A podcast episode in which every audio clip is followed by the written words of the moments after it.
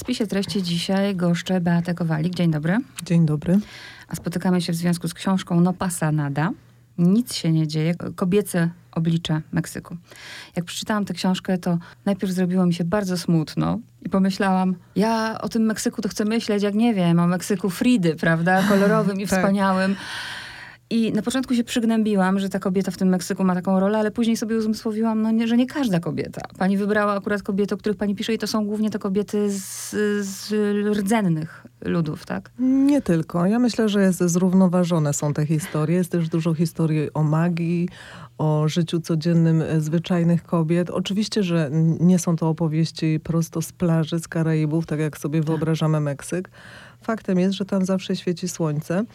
Ale pod tym słońcem są różne e, problemy i cienie, które po prostu mnie zaciekawiły. Ja wiem, że 20 minut to jest zbyt mało, żeby w ogóle mówić o Meksyku, o kulturze Meksyku, bo Meksyk jest różnorodny, ale gdyby tak krótko powiedzieć o roli prostej kobiety, nie mówimy o, kobiety, o kobietach w mieście, które pełnią ważne funkcje, ale mówimy o zwykłych, przeciętnych kobietach w Meksyku. Jaka jest ich rola w życiu, w rodzinie? Co mnie zaskoczyło w Meksyku, kiedy tam e, pojechałam mieszkać parę lat temu, że jednak e, większość moich koleżanek e, zajmowała się domem. Mimo, że niektóre z nich były wykształcone, mówiły mi, że po prostu ich rola e, jest e, taka, że próbują zająć się dziećmi i dogodzić mężowi, mimo że wszystkie miały w domu muciacie, czyli osoby, które im pomagały. Niektóre moje koleżanki nawet po trzy. E, Tam to jest czasami wręcz ten dom meksykański takiej średniej i wyższej klasy, która jest bardzo nieliczna w Meksyku, jednak większość to są ludzie z klasy niższej i uboższej. Mm, Około 50% mieszkańców je- żyje w biedzie w Meksyku. E, Miałam wrażenie, że one się godzą na te, na te funkcje i sprawia im ona frajdę i nie myślą o sobie jako o osobach, które jak coś tracą. I to mnie bardzo zaciekawiło i dużo na ten temat rozmawiałam z nimi i potem właściwie w każdej rozmowie wypływał temat e, tego meksykańskiego maczyzmu, który często jest tam przedmiotem żartów. To nie są zawsze e, poważne, ciężkie rozmowy. To jest po prostu, tak jak mówi jedna z moich bohaterek, Gabi, która mm, zajmuje się teatrem.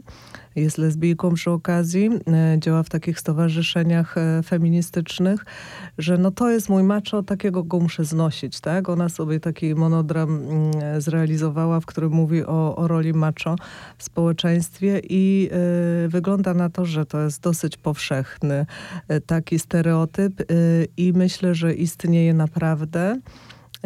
I widać go na co dzień, i widać go nie tylko w życiu rodzinnym, gdzie e, on się objawia często właśnie w sposób taki bardzo dramatyczny, kiedy dochodzi do przemocy. Ale też e, wydaje mi się, że maczystowska jest cała taka jakby kultura, w której te kobiety e, istnieją e, i ona się objawia też w takim maczyzmie instytucjonalnym, w maczyzmie takim urzędniczym.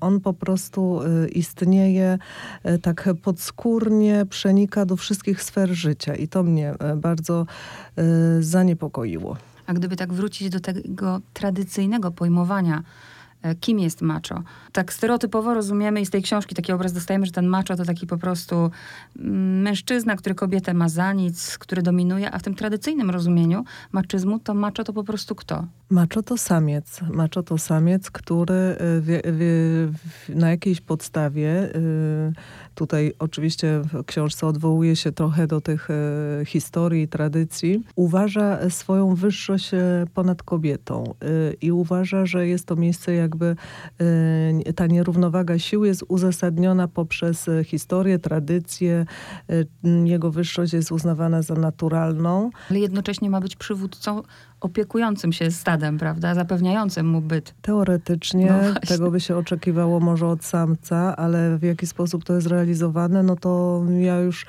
e, skupiłam się na pojedynczych losach kobiet, bo mm, oczywiście trudno jest opowiedzieć y, naraz w jednej książce czy w jednym artykule o, o kobiecie tak, w danym Mhm. kraju. W zasadzie gdybyśmy zapytali siebie samych y, o polską kobietę, to też te głosy mogłyby być różne, bo musimy się przyjrzeć kobiecie kobiecie tej całej um, sytuacji, w której ona się znalazła, jak ona jest wykształcona, gdzie ona mieszka, z kim ona się spotkała, co ją w życiu mm. porwało, tak? Więc ja postanowiłam się skupić, żeby nie, nie mówić wszystkiego naraz, co mi leży na sercu, jak bardzo mnie boli czasami ta sytuacja, z, która y, dotyczy kobiet w Meksyku. Postanowiłam się skupić na wybranych y, sytuacjach, wybranych losach. Muszę powiedzieć, że one nie są jakieś wybitnie szczególne, y, wyjątkowe. Mm, one tylko pokazują jakiś typ y, ludzi, jakiś typ kobiet uwikłanych w całą tę sytuację, więc mam wrażenie, że jednak ta przemoc y, to nie jest, jest tylko moje wrażenie, niestety to są też badania i statystyki, które mówią, że tej przemocy tam jest po prostu bardzo dużo i ta sytuacja kobiet jest y, nie do pozazdroszczenia. Mówi się, że naprawdę większość kobiet doświadcza przemocy. Coraz mniej na szczęście jest tej przemocy fizycznej i seksualnej. O seksualnej na przykład czytałam badania, że jedna piąta kobiet je, jej doświadczyła w Meksyku, a coraz więcej jest przemocy ekonomicznej, takiej emocjonalnej. No a to jest oczywiście sytuacja głównie rodzinna. Czyli to też jest stereotyp, bo wszędzie w mediach, nawet jak się wygoogluje Meksyk kobieta, to na pierwszych miejscach y, jest kobieto zabójstwo, właśnie przemoc. Y, I tak jakby kojarzymy pozycję i rolę kobiety w Meksyku. A to też trzeba właśnie powiedzieć, że, że to nie tyle, że nie jest powszechne, ale nie wszystkie kobiety są, prawda, maltretowane. Nie wszystkie kobiety są na takiej pozycji. Myślę, że nie, że oczywiście nie możemy tak e, generalizować, ale czytałam takie badania, że ponad 60% kobiet jakby doświadczyło e, ostatnio mm. przemocy, tak? Kiedy się pyta społeczeństwo, są takie badania e, też na mężczyznach i kobietach razem i, i tam wtedy też większość się wypowiada, że tak, kobiety w Meksyku doświadczają przemocy, czyli to jest też spojrzenie nie tylko kobiet, ale też e, mhm. osób e, innej płci. Nie mówię o trzeciej płci, o której też piszę, ale faktem jest, że mm, tej przemocy jest dużo. Feminicidio, ja akurat o tym nie piszę, ponieważ wyszłam z założenia, że jest to temat e, drastyczny i dosyć już rozpoznany poza granicami Meksyku. Wydaje mi się, że o tym się dużo mówi i pisze i to dobrze ponieważ feminicidio musi, y, musi zniknąć z, ze strefy, jakby ze, ze sfery publicznej krajów y, y, Ameryki Łacińskiej, bo on, to oczywiście nie dotyczy tylko Meksyku. I to są te najbardziej takie przemocowe objawy maczyzmu, kiedy kobieta jest zabijana, mm. poniewierana, jej ciało jest przedmiotem tortur przed i po śmierci. To jest ten najbardziej najbardziej jaskrawy przejaw e, maczyzmu. Ponieważ jest tutaj, są tu historie wybranych kobiet, to o kilku kobietach będę chciała porozmawiać, no ale muszę trochę tak wścibsko zapytać, bo to zawsze mnie interesuje, jak czytam o autorce, że mieszkała kilka lat w Meksyku. Czy to było tak, że to była podróż do Meksyku i na tyle tam się pani spodobało, że pani tam po prostu została kilka lat? Jak to była ta, ta pani historia w Meksyku? Hmm. O sobie mogę powiedzieć tyle, że z rodziną mamy taki tryb życia e, przez ostatnie kilkanaście lat, że podróżowaliśmy po świecie w związku z pracą mojego męża i dziewięć lat temu pojechaliśmy do Meksyku, myśląc, że to będzie krótszy okres, ale spodobało nam się tam i postanowiliśmy zostać na dłużej. Czyli byliśmy w Meksyku na zasadach e, takiego zaproszonego e, mhm. obcokrajowca, ekspata, Y, który no tak trochę z boku ma okazję przyglądnąć się tej kulturze mm, i próbować w nią wniknąć. To jest trudne dla obcokrajowca, osoby przecież z innej z innego kręgu geograficznego i kulturowego ale myślę, że mm, byli dla mnie bardzo uprzejmi i życzliwi moi Meksykanie i i otworzyli się tak bardzo na mnie, że mogłam e, poznać e, trochę lepiej różne zjawiska. I A co... kiedy była ta myśl, żeby z tego zrobić książkę? No, ja cały czas się dziwiłam, naprawdę. Ja się cały czas dziwiłam, ponieważ no, ja byłam w trochę innej sytuacji. Ja przyjechałam z, z no, podróżuję po świecie, tak? Jestem wykształcona, powiedzmy, że jestem z, z dużego miasta i z kraju, który postrzegam jako bardzo cywilizowany, naprawdę. Na tle krajów, w których przyszło mi mieszkać, więc e, ja się po prostu bardzo dużo dziwiłam. I z tego zdziwienia powstała ta książka, że ja e, postanowiłam napisać o tym, co mnie tak bardzo tam zadziwia, na co się na przykład nie mogę zgodzić. Kiedy jedna z moich przyjaciółek usłyszała, że książka ma tytuł No pasa nada, ona tak smutno to mi właśnie skomentowała, no tak, tak to jest, tak. Drugi zwrot, który, który dominuje, as jest, jesteśmy krajem no pasa nada. Oni tak to czują, to, to nie jest przecież mój wynalazek. Mm -hmm. Ja to po prostu jak taka małpa przeniosłam, przetransferowałam na nasz język i... Mm, i to wiem, że to może dziwić, wiem, że to może zaskakiwać. Y, takie samo było moje odczucie. Ja właśnie o tym tytule pomyślałam, że on w ogóle jest wieloznaczny, bo z jednej strony właśnie tak mają, że nic się nie dzieje, a z drugiej tam jest taka historia kobiety, która mówi, cały czas powtarza, opowiadając swoją trudną historię, no tak po prostu jest, tak po prostu jest i mnie jako czytelniczkę może to szokować, a dla nich no pasanada, nic się nie dzieje, bo oni nie znają innej rzeczywistości. E, tak, tak, bohaterka jedna moja, ale to nie tylko ona, oczywiście to jest tylko taki zabieg jakby mhm. literacki powiedzmy. E, bardzo często e, powtarzają moje bohaterki, mm, tak to jest, tak musi być. Y, jest taka pewna łagodność, y, nazwę to tak y, mm, delikatnie, w przyjmowaniu jakby takich ciosów od losu. Skąd to się bierze? To jest pewnie długa historia takiego charakteru narodowego. On dotyczy chyba bardziej kobiet, ale nie tylko, bo miałam takie doświadczenie też z mężczyznami, którzy mają taką filozofię życia e, w Meksyku, e, że jakby jest jakaś opatrzność, która nad nimi czuwa i to, co się przydarza, to tak musi być. No Pasanada odnosi się bardziej do takiego zjawiska, że jakby zbrodnia na przykład nie mhm. spotyka się z reakcją, tak? Przemoc nie spotyka nie się reakcji. z mhm. powstrzymaniem e, jakby tej osoby, która do, dokonuje tej przemocy. Że e, statystyki na temat przestępczości są przez rząd e, maskowane, ukrywane, tak? To się tam wybiela. Mm. Dochodzi bardzo często do takich zjawisk, które też są oburzające, że na przykład ofiary zabójstw y, albo przemocy domowej ujmowane są w statystykach jako samobójczynie albo y, jak ofiary porachunków mafijnych no bo mhm. wiadomo, że tam kartele narkotykowe, o których też nie piszę, y, to jest e, jakiś ogromny problem i to są dziesiątki tam tysięcy po prostu tych zabitych, porwanych, nie wiem, porywanych też jako niewolnicy do pracy dla tych karteli. To są jakieś tragiczne sytuacje, dotyczą nie tylko Meksykanów, ale coraz częściej obcokrajowców oraz migrantów, którzy przemierzają Meksyk i są narażeni na tego typu przestępczość.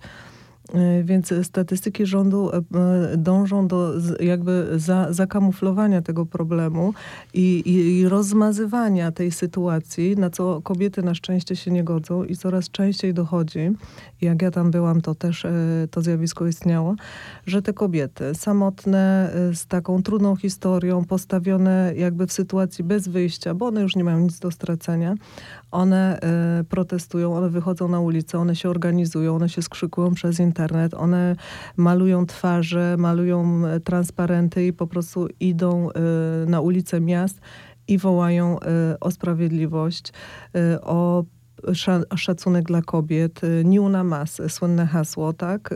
Nie zabijajcie nas więcej. Autorka tego hasła z Juarez nie żyje, została zabita.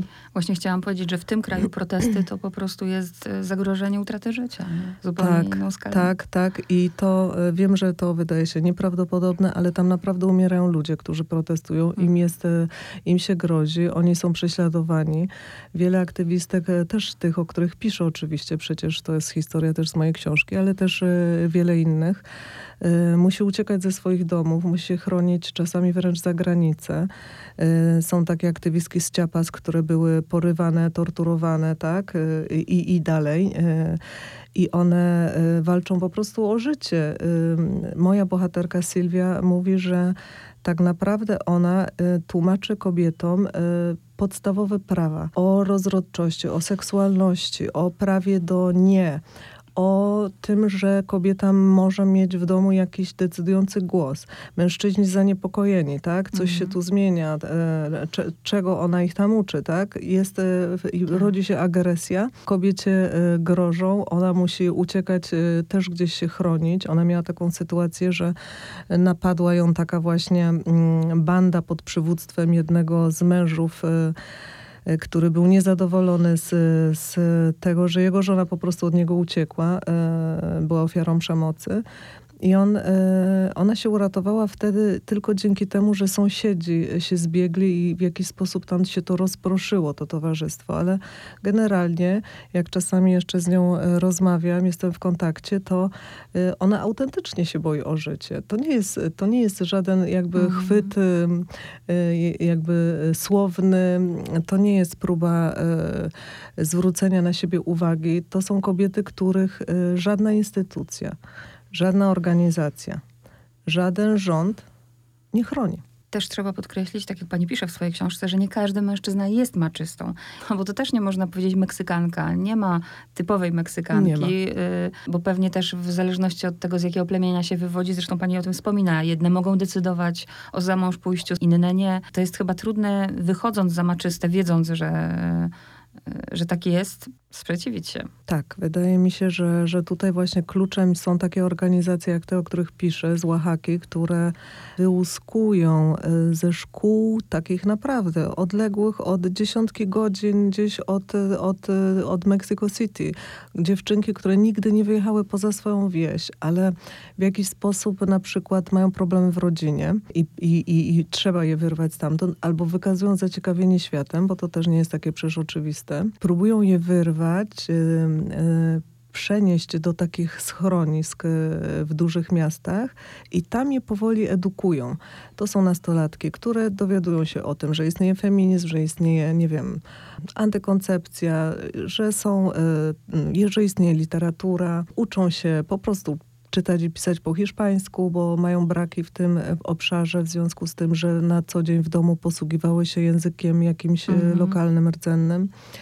I te dziewczyny... I że mają prawo do przyjemności. To zdanie, ta rozmowa właśnie kobiety, która w ogóle nie wiedziała, że, że to może być przyjemność, prawda, w ogóle seks. Ja myślę, że y, tak jak y, one mówią, te aktywistki, przede wszystkim prawo do życia i zdrowia. Przyjemność też jest ważna, y, oczywiście, ale tam się naprawdę walczy o podstawowe prawa. To nie są żadne walki o równość, o równe pensje, mm. o to, żeby tam więcej kobiet było w polityce one są w tej polityce. Ich droga jest trudna, jest możliwa, ponieważ pisze o Eufrozinie, która wywalczyła sobie tę drogę. Nie wiem, jak ona to zrobiła, to jest po prostu mm, też bardzo ciekawa historia. Jest teraz podawana jako przykład naprawdę w świecie, mimo że w Meksyku y, to nie jest jakaś super popularna osoba, jest po prostu lokalną y, polityczką z Oaxaki. To jest możliwe, ale cały czas jeszcze jest dużo do zrobienia w tym obszarze. I muszę powiedzieć ważną rzecz, bo y, ktoś mógłby się zasugerować, że tam, że jest to kraj, w którym giną kobiety i są uciśnione. To jest moja perspektywa, moje książki. Ja o tym oczywiście piszę, ponieważ to mnie najbardziej interesuje. Ale musimy pamiętać, że w Meksyku po prostu giną ludzie. Tych zabitych, y, zamordowanych i zaginionych jest bardzo dużo i wciąż dziesięciokrotnie więcej y, w statystykach, gdyby to ująć, będą to mężczyźni. Po prostu oni no, mają inne problemy i ich okoliczności ich śmierci, ich zaginięć mogą być trochę inne.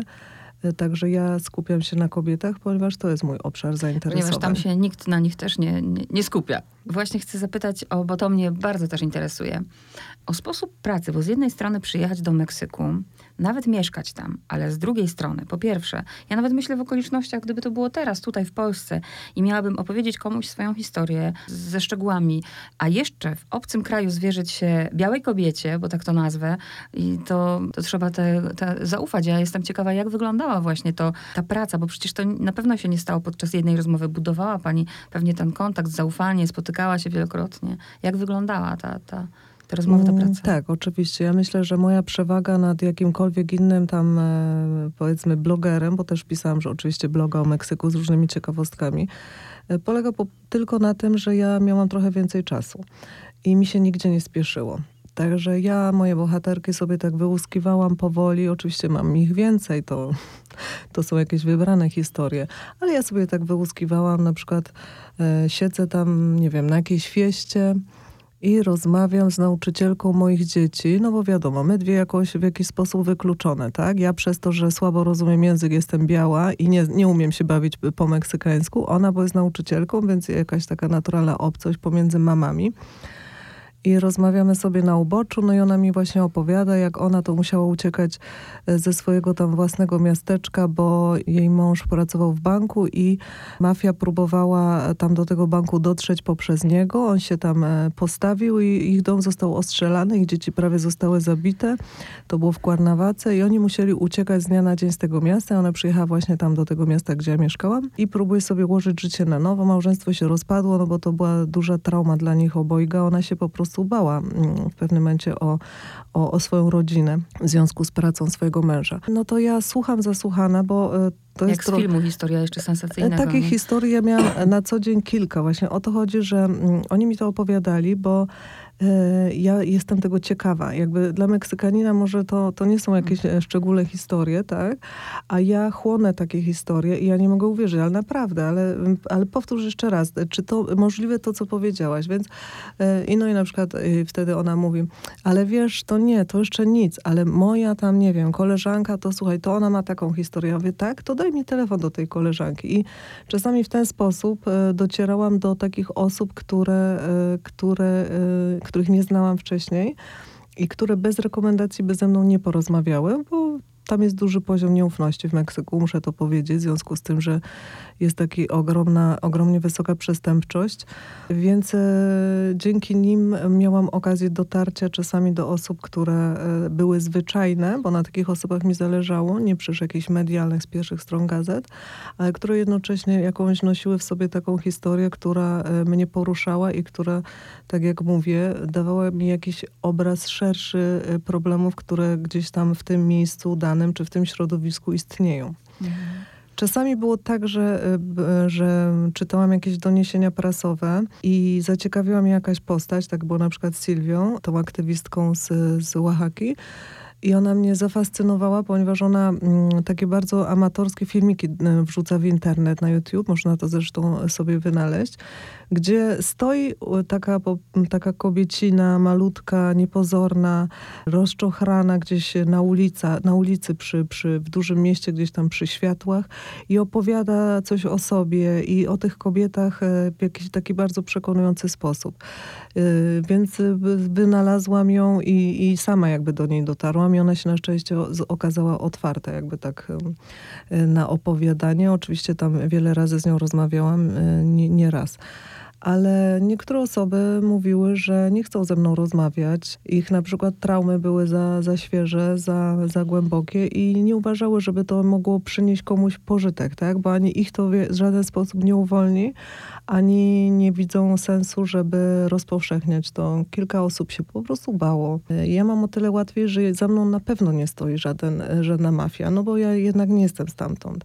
Ale generalnie mam taką rozmówczynię, z którą, e, z którą rozmowę nie skończyłam. Ona jest e, byłą dziewczyną gangstera którą tam porwano. Ona tam spędziła wiele lat w tych miejscach takich, gdzie się ludzi więzi, torturuje dla okupu i tak dalej. I na przykład z nią bałam się spotykać. To też czasami były takie historie, że ja sama się bałam o swoje, że tak powiem, bezpieczeństwo, mhm. bo ja nie wiem, czy ta osoba jest już e, bezpieczna, czy ona dalej, nie wiem, może być obserwowana. Może ktoś się boi tego, co ona powie. Ja nie wiem. Tam tak łatwo giną ludzie, że naprawdę to nie jest żaden problem kogoś e, unicestwić i jak to mówią w Meksyku, to jest totalnie gratis, ponieważ mm nie ma, e, nie ma skazywalności żadnej, żadnego dochodzenia, tak? Jest taki wysoki poziom korupcji, niekompetencji, nieudolności, niechęci też ze strony organów, które powinny jakby doprowadzać e, e, przestępców do więzienia że czasami te rozmowy pod tym względem y, sprawiały mi trudność. A technicznie, bo to też mnie ciekawi, na przykład z Estellą, ze zwykłymi, prostymi kobietami, w jakim języku pani rozmawiała? Mm, no ja rozmawiałam oczywiście po hiszpańsku. Czyli to nie jest tak, że ktoś był, pomagał, tylko po prostu to był taki kontakt jeden do jednego? Tak, tak, oczywiście. Y, to jest właśnie y, ważne, no bo jednak... Mhm żeby wytworzyć jakąś atmosferę takiego zaufania, intymności, y, musiałam jakby dotrzeć do nich, y, mówić ich językiem, jeść z nimi tortille, mhm. y, patrzeć czasami na tych mężów, którzy tam gdzieś za, za rogiem, prawda, siedzieli i, i słuchać o nich też historii. Tak, tak. To... A mężowie wiedzieli, w jakim celu pani na przykład z nimi rozmawia, czy nie? Ja generalnie z mężczyznami starałam się nie rozmawiać, oni nigdy nie byli moimi bohaterami. Y, oczywiście tak powierzchownie, pobieżnie i właśnie zresztą piszę o tym, że y, mam takie doświadczenie osobiste y, jako kobieta, koleżanka, matka, że kobiety się otwierają, jak nie ma mężczyzn obok. Dlaczego zapytałam? Bo gdyby mąż, nie wiem, dowiedział się, że mm, kobieta opowiada swoją historię, która znajdzie się w książce, to mogłaby mieć po prostu problemy, ogromne problemy. Nie? Mhm. Więc zastanawiam się, czy to w tajemnicy jakieś było. Proszę zwrócić uwagę, jak mało moich bohaterek ma męża bądź wspierającego no tak. męża, tak?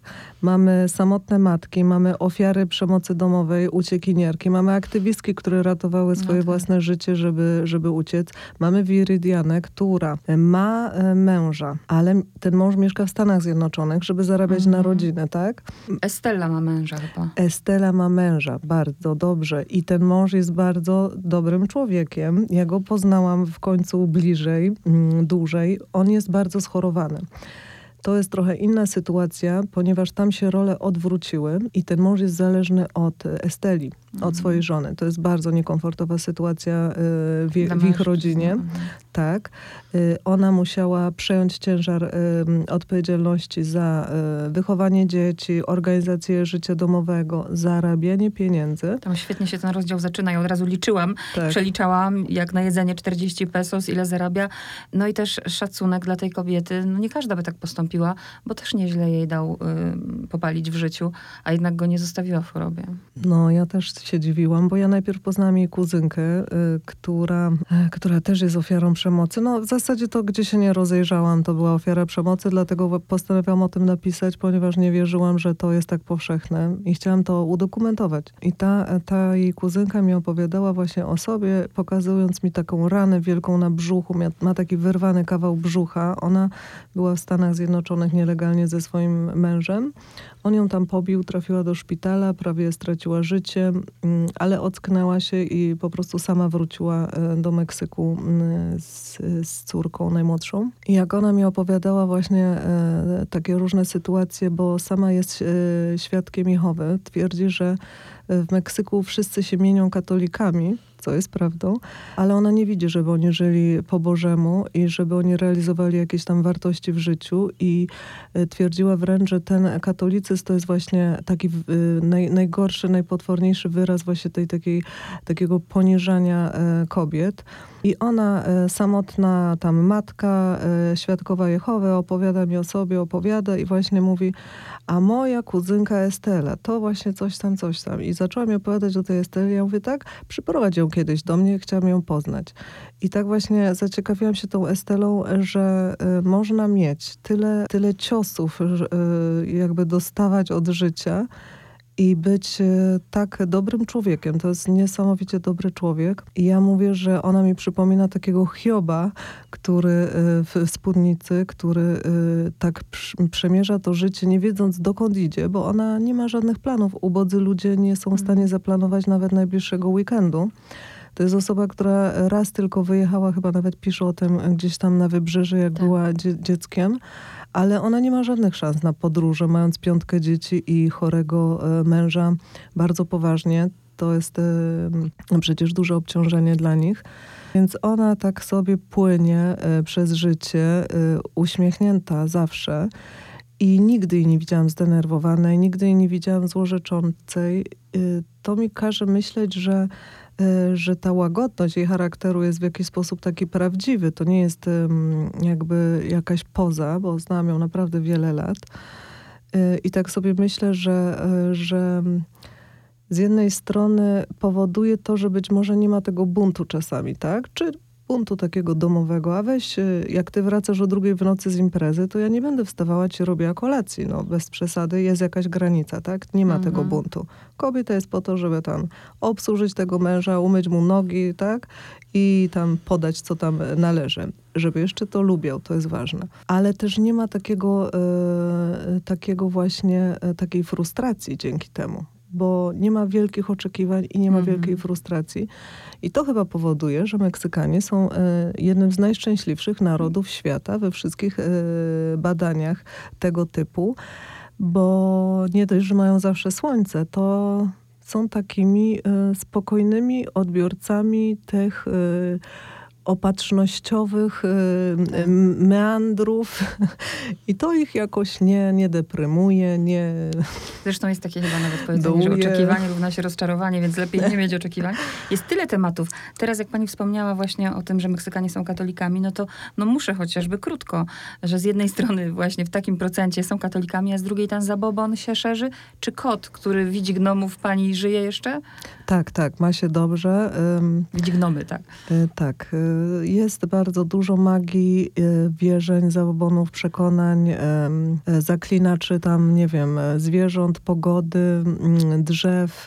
To są takie bardzo synkretyczne, wiadomo, zjawiska biorące się z, z historii Meksyku, mm, z tego zderzenia E, cywilizacji, e, które tam e, same w sobie były przebogate i różnorodne w, w łonie samego Meksyku. Później jeszcze doszły te cywilizacje z Europy i, i wręcz z całego świata, ale to jest rzecz charakterystyczna chyba dla latynosów, na pewno dla Meksyku że tam się wierzy y, w rzeczy nadprzyrodzone. Wierzy się w opatrzność, wierzy się w duchy zmarłych, y, wierzy się y, w rozmowy ze zmarłymi. Nie jestem w stanie naprawdę, nawet gdybym usiadła teraz i przez tydzień opowiadała, wymienić tych wszystkich historii. Jedna moja koleżanka, e, która przychodziła do mnie, właśnie mówiła na przykład, o, twój dom jest czysty, tutaj nie ma duchów, nie? I później bardzo się śmiałam z niej, kiedy mi opowiadała, że jej własny robotnik e, uciekł od niej remontując jej dom, bo powiedział, że w nocy widział jakiegoś tam ducha dziewczynki na schodach. Robotnik, facet. I ona mówi, że nie, nie, jemu się pomyliło, mój, mój dom też jest czysty, bo ja to przecież jestem w e, stanie sprawdzić, tak? Klara Widente, ona, ona mówi, że ona ma taki dar, że ona po prostu widzi ludzi i przyszłość. Ja nigdy jej nie zapytałam, co jest w mojej przyszłości, ponieważ ja nie chcę wiedzieć takich rzeczy. I nigdy się nie skusiłam na rozmowę z taką właśnie, mm, jakbyśmy to powiedzieli, jasnowicką chyba po polsku. Aczkolwiek mam e, kontakt z jedną z nich, która e, pomaga moim przyjaciółkom w kryzysach małżeńskich. One po prostu do niej dzwonią, ona im opowiada, co ci mężowie porabiają, tam z kim mają romanse, pomaga im rozstrzygać takie codzienne kwestie dotyczące rodzinnych problemów, dzieci i tak dalej. I y, tak sobie myślę, że ona jest ciekawą dla mnie postacią, też y, jest ofiarą przemocy domowej, mieszka sama, jest kobietą samotną w tej chwili. I myślę, że może kiedyś stanie się moją bohaterką, więc też nie chcę jakby zostać jej klientką najpierw, mhm. ale bardzo mnie ciekawią takie osoby, o których się właśnie mówi, że są klarewidente, czyli że potrafią zobaczyć przyszłość. I w to się e, w Meksyku wierzy. Tam y, jeden kolega mi opowiadał, że oni mają w rodzinie takie nagranie, kiedy ich dziadek tam opowiada, oczywiście, który nie żyje, gdzie tam ukrył jakieś dokumenty albo jakieś tam ważne, ważne nie wiem, tam oszczędności. I oni usłyszeli głos dziadka poprzez jakąś tam kuzynkę, która ma też taki talent. W zasadzie trudno byłoby chyba znaleźć rodzinę, w której nie ma kogoś, kto y, ma jakiś dar, o tym się mówi don, i który właśnie się objawia w ten sposób, że czuje i widzi więcej. Mnie to fascynuje, uważam, że to jest e, wspaniała rzecz. Otwiera bardzo oczy na świat i powoduje, że y, nie jesteśmy tacy y, wszystko wiedzący, tacy kwadratowi i to Meksyk, to jest największe bogactwo Meksyku, taka podskórność, taki magnetyzm, taka nieoczywistość. Tam nic nie jest czarno-białe, tam um, nawet cyfry nie, mhm. są, nie są ostateczne. Wszystko po prostu się może zmiksować, zmienić, mieć inny, inny kształt, inne znaczenie. Jest to Przydałby coś fascynującego. nam się taki Meksyk, żebyśmy tak nie, przywiązali się do, nie przywiązywali do pewnych rzeczy. Ostatnia kwestia, bo z jednej strony właśnie ten taki Meksyk pełen przemocy, kobiety, która jest y, gdzieś tam poddana mężczyźnie, a za chwilę Meksyk, gdzie nam w Polsce daleko do sytuacji, żebyśmy zalegalizowali związki partnerskie, mhm. bo tam przecież są zalegalizowane, są, są śluby, mogą mieć pary homoseksualne dziecko. Są śluby nawet e, publiczne, tak, na głównym rynku w, w mieście Meksyk. Ja, ja myślę, że po tym moim doświadczeniu z Meksykiem, mm, myślę sobie tak, że Meksyk e, oficjalnie, teoretycznie ma wiele rzeczy bardzo fajnie poukładanych i na papierze dużo rzeczy się zgadza, ale niestety nie zgadza się w życiu. Czyli nie to zgadza tak się nie w praktyce końca, codziennej. Że, że jest tam tolerancja i tak dalej. Ja nie, ja nie jestem osobą homoseksualną, więc ja nie jestem w stanie e, wypowiedzieć się. e, Ale rozmawiała pani z tak, lesbijką. Dokładnie. I jakby ja, nie, jest- ja tego nie odczułam, tak? Mi się wydaje, że widziałam tam dużo par homoseksualnych. W mieście Meksyk są całe dzielnice zdominowane przez pary homoseksualne, które mm, są obecne w restauracjach, w parkach, spacerują. To są osoby też przecież często publiczne. A jednocześnie e, moje bohaterki, które są lesbijkami i o których czytałam przecież dużo, jak e, zanim z, z nimi rozmawiałam, e, twierdzą, że jest ogromna ilość przemocy, jest bardzo dużo zabójstw na tle homoseksualnym, też osób trans. Ich życie jest po prostu w Meksyku zagrożone, także myślę, że a może tutaj ten właśnie macho działa, że on mówi, że nie, tak nie Mhm. będzie. Miało to być ostatnie pytanie, ale jeszcze jest jedno. Podoba mi się pomysł na e, to, żeby każdy rozdział rozpoczynać jakimś przysłowiem bądź cytatem, właśnie meksykańskim. To, to, to, to, był, to był ciekawy pomysł. Y, Marzyłam właśnie o, y, o przybliżeniu jak najbardziej się da jakby Meksyku. A wydaje mi się, że oddając głos ludziom, po prostu tym kobietom, to, tym jak one mówią, jak one budują zdania, że to jest bardzo często, no niestety trochę poporządkowałam, ale na ogół te rozmowy były bardzo chaotyczne, tam przerywane wspomnieniami, płaczami, potem jakby jeszcze raz to samo, potem jakaś słowo, które so, sobie zaprzecza, no. Tak to jest w życiu też. Czasami mówimy, myślimy coś, potem y, wycofujemy się. I te, te cytaty miały właśnie przybliżyć to, jak, jakimi oni się sformułowaniami Mm. posługują na co dzień. To mnie e, fascynuje w Meksyku, że jest dużo takich e, powiedzonek, może nie tak dużo jakichś tam lektur e, ambitnych, ale powiedzonek, wierszyków, tak? Przysłów jest bardzo dużo, one tak regulują fajnie to życie takie e, między ludźmi. Uderzyło mnie, e, znaczy ja sama to oczywiście dobrałam, ale to powiedzenie, że tam nie płacz się, nie martw, ta rana się szybko zagoi, tak? To jest to powiedzenie, którego każda matka używa w stosunku do dzieci. Ja sama tego używałam w stosunku do moich dzieci, ale ono e, nabrało dla mnie takiego makabrycznego wymiaru, kiedy y, mm, usłyszałam historię osób e, bitych i maltretowanych na co dzień przez swoich mężów, do tego stopnia, że one tam, nie wiem, wiele razy lą- lądują w szpitalu i że, że i mogłyby jakby w stosunku do swojego życia zastosować te zasady albo odebrać taki komunikat od kogoś z zewnątrz, nic się nie martw, ta rana się zaraz zagoi, tak? Mm. No przysłowie dla mnie to są wspaniała lekcja, czasami właśnie o takim podwójnym sensie. Tęskni pani za Meksykiem, tu i teraz? A jeśli tak, to za czym? Ja bardzo tęsknię za Meksykiem. Zostawiłam tam na pewno kawałek mojego serca. Mój mąż tam wciąż jeszcze mieszka. Tęsknię za ludźmi. Ja chyba jednak najbardziej tęsknię za ludźmi. Ale wróci pani tam? Na pewno wrócę, nie wiem czy mieszkać, e, ponieważ e, jednak ze względu na e, wysoki poziom jakby takiej niepewności, to czasami jest fajne takie życie na krawędzi, tak? Jest takie powiedzenie właśnie meksykańskie, że Meksykanie wszystko już widzieli, teraz mogą się tylko śmiać. Ja jednak potrzebuję takiego spokoju, też jako matka e, dzieci, e, które chciałabym wychowywać w jakichś takich bardziej e, stabilnych warunkach i bezpieczniejszych. Mieszkać może już chyba nie. Czas Meksyku chyba w moim życiu dobiegł końca, ale na pewno z wizytą e, i żeby śledzić losy kobiet, e, tak. Czyli to, że my w Polsce tu mówimy, że mamy wysoki stopień niepewności, to, to nie wiemy, o czym mówimy. E, Z mojej perspektywy Polska jest bezpiecznym, przewidywalnym, Coraz mniej. cywilizowanym krajem. E, To wiem, że to się zmienia, to się tam e, fluktuuje, to są różne osoby, tak, różne e, sytuacje, doświadczenia, ale jednak generalnie, gdybyśmy tak uśrednili, uśrednili, Europa nasza ma się dobrze. Beata Kowalik, dziękuję bardzo.